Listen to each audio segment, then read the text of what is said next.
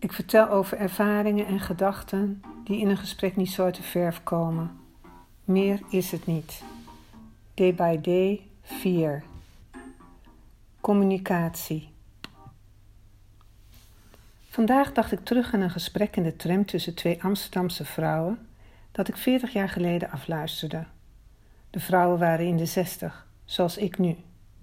Zegt de ene vrouw tegen de andere: Ik begrijp het niet.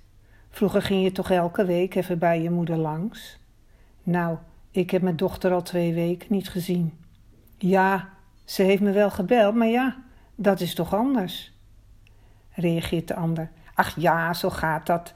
Ik moet morgen even langs de dokter mijn plas wegbrengen. Ik denk dat ik weer een blaasontsteking heb, maar ja, ik wilde toch even de mart over.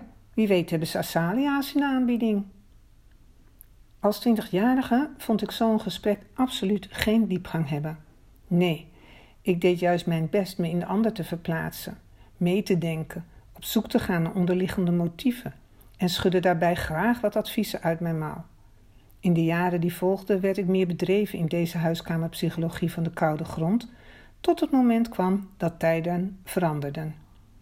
Geen ongevraagde adviezen, invullingen of projecties meer, werd het nieuwe communiceren. En ja, nu ik zelf in de zestig ben, zie ik de waarde daarvan in, evenals van dat gesprek in de tram. Hoe heerlijk om simpelweg te vertellen wat me bezighoudt en te luisteren naar wat de ander bezighoudt. Iets delen wordt dat nu genoemd.